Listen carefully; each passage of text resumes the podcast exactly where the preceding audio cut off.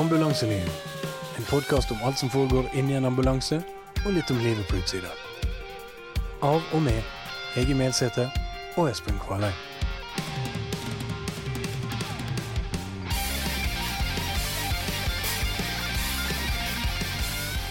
Hege Melsæter, Hei, Espen. kan du fortelle litt om hva du egentlig gjør? Ja, det kan jeg. Jeg eh, er utdanna nasjonal paramedic og jobber i ambulansetjenesten. Jeg er fra Måløy, og der har jeg jobba i ambulansen i 20 år. Og nå har jeg da reist til Oslo og gjør eh, det samme her. Ja, I tillegg til at jeg òg jobber på Ullevål på traumeavdelinga der. nettopp, nettopp. Det, det er engasjerende jobb, tenker jeg. Ja, det er veldig engasjerende, og det er jo òg en givende jobb. Ja. Blir ikke lei, da, enn så lenge.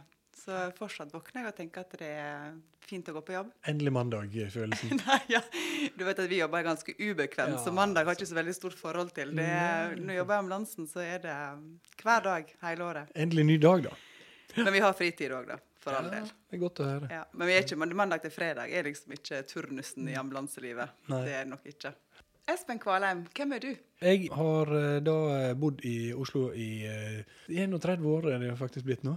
Du er leder um, med mange år. Jeg er leder med mange år, det er helt riktig. Men vi kommer jo fra samme sted.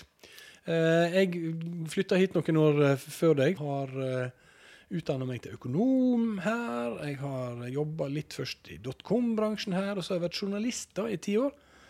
Og så har jeg jobba med kommunikasjon i eh, nokså mange år eh, også. Så jeg er veldig, veldig glad i å finne og fortelle gode historier. Det er noe som motiverer meg veldig. Og her er det jo vi kommer til kjernen av det jeg og du sitter her for. da, fordi at... eh, Er det ikke bare at vi er fra samme plass? det er helt riktig. Nei, fordi at vi er oppvokst på samme sted. Litt fra hverandre i alder. Jeg flytta vel eh, Før meg? før, før, de, før du dukka opp. naturlig aldersårsak. Ja, sånn at eh, Jeg visste om hverandre, ikke kjent hverandre. Men søstera mi bor jo fortsatt i Måløy. Der møttes vi på en fest for ikke så veldig lenge siden. Og så begynte jeg å høre på disse her historiene dine. Det var jo veldig fascinerende. Og da kom jo søstera mi bort og mente dette her burde dere lage podkast ut av!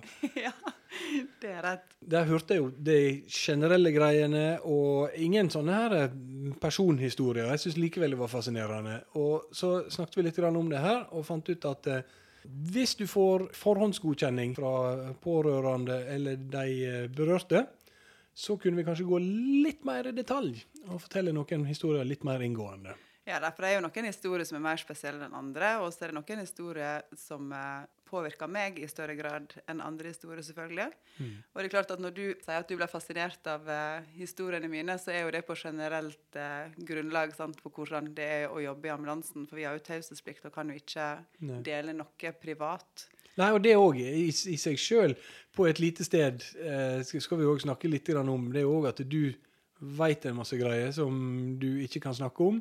Og så er det på små steder så hender det seg at det er rykter og litt sånn forskjellig. Og det kan du neither confirm nor deny, som eh, amerikanske advokater sier. det. Det er helt riktig, sant? og det må, det må en alltid eh, passe på at en ikke eh, bryter noe av taushetsplikt. Og det tenker jeg at det er privilegiet som en skal ha som pasient, at en skal være trygg på at ingenting personlig kommer ut. Så det er jo bare en del av vår hverdag, en del av vårt yrke. Ja, nettopp. Så alt vi forteller her i podkasten av det som vil oppleves som personlig, det er jo klarert med pasient eller pårørende.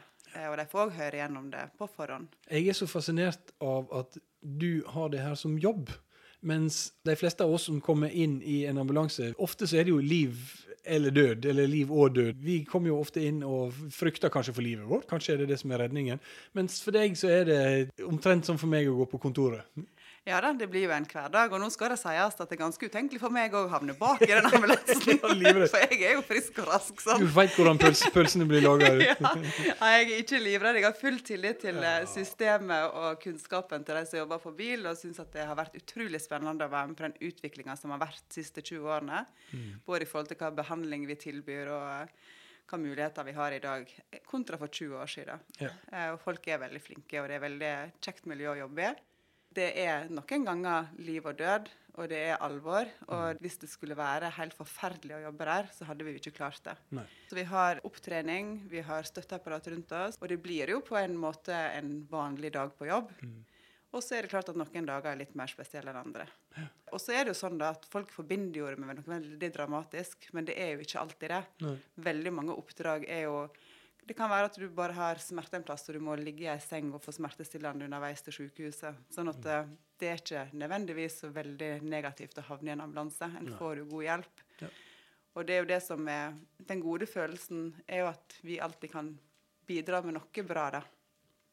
For andre. Så det er jo det, ja, det som er givende med å jobbe i bilen. For å oppsummere litt. Grann. De som lytter til denne podkasten, hva kan de regne med å få med seg? Hege? Nei, nå er jo tanken at de skal få med seg et innblikk i hvordan det er å jobbe i ambulansen. Og nå blir jo det litt både fra bygd og by, selv om Måløy har status som by. Så tror jeg vi skal stikke fingeren i jorda og innrømme at det er ei bygd. Og så nå jeg på bil her i Oslo og inne på Ullevål eh, på sykehuset der, som er et stort sykehus, så eh, blir det Det feiler jo pasientene det samme de fleste plasser, men eh, det er likevel en annen måte å jobbe på. Så få frem litt av det. Og så tenker jeg òg at eh, vi skal få gitt eh, noen tips og råd på veien. Mm. Og forhåpentligvis formidle litt eh, enkel og nyttig førstehjelpskunnskap. Ja. Sånn at en ja, får med seg historiene, men òg noen tips på veien. Ja. Du har jo et stort nettverk etter hvert. eh, Etter å ha jobba i faget i over 20 år. Så vi har vel òg noen gjester som vi tenker å invitere med etter hvert.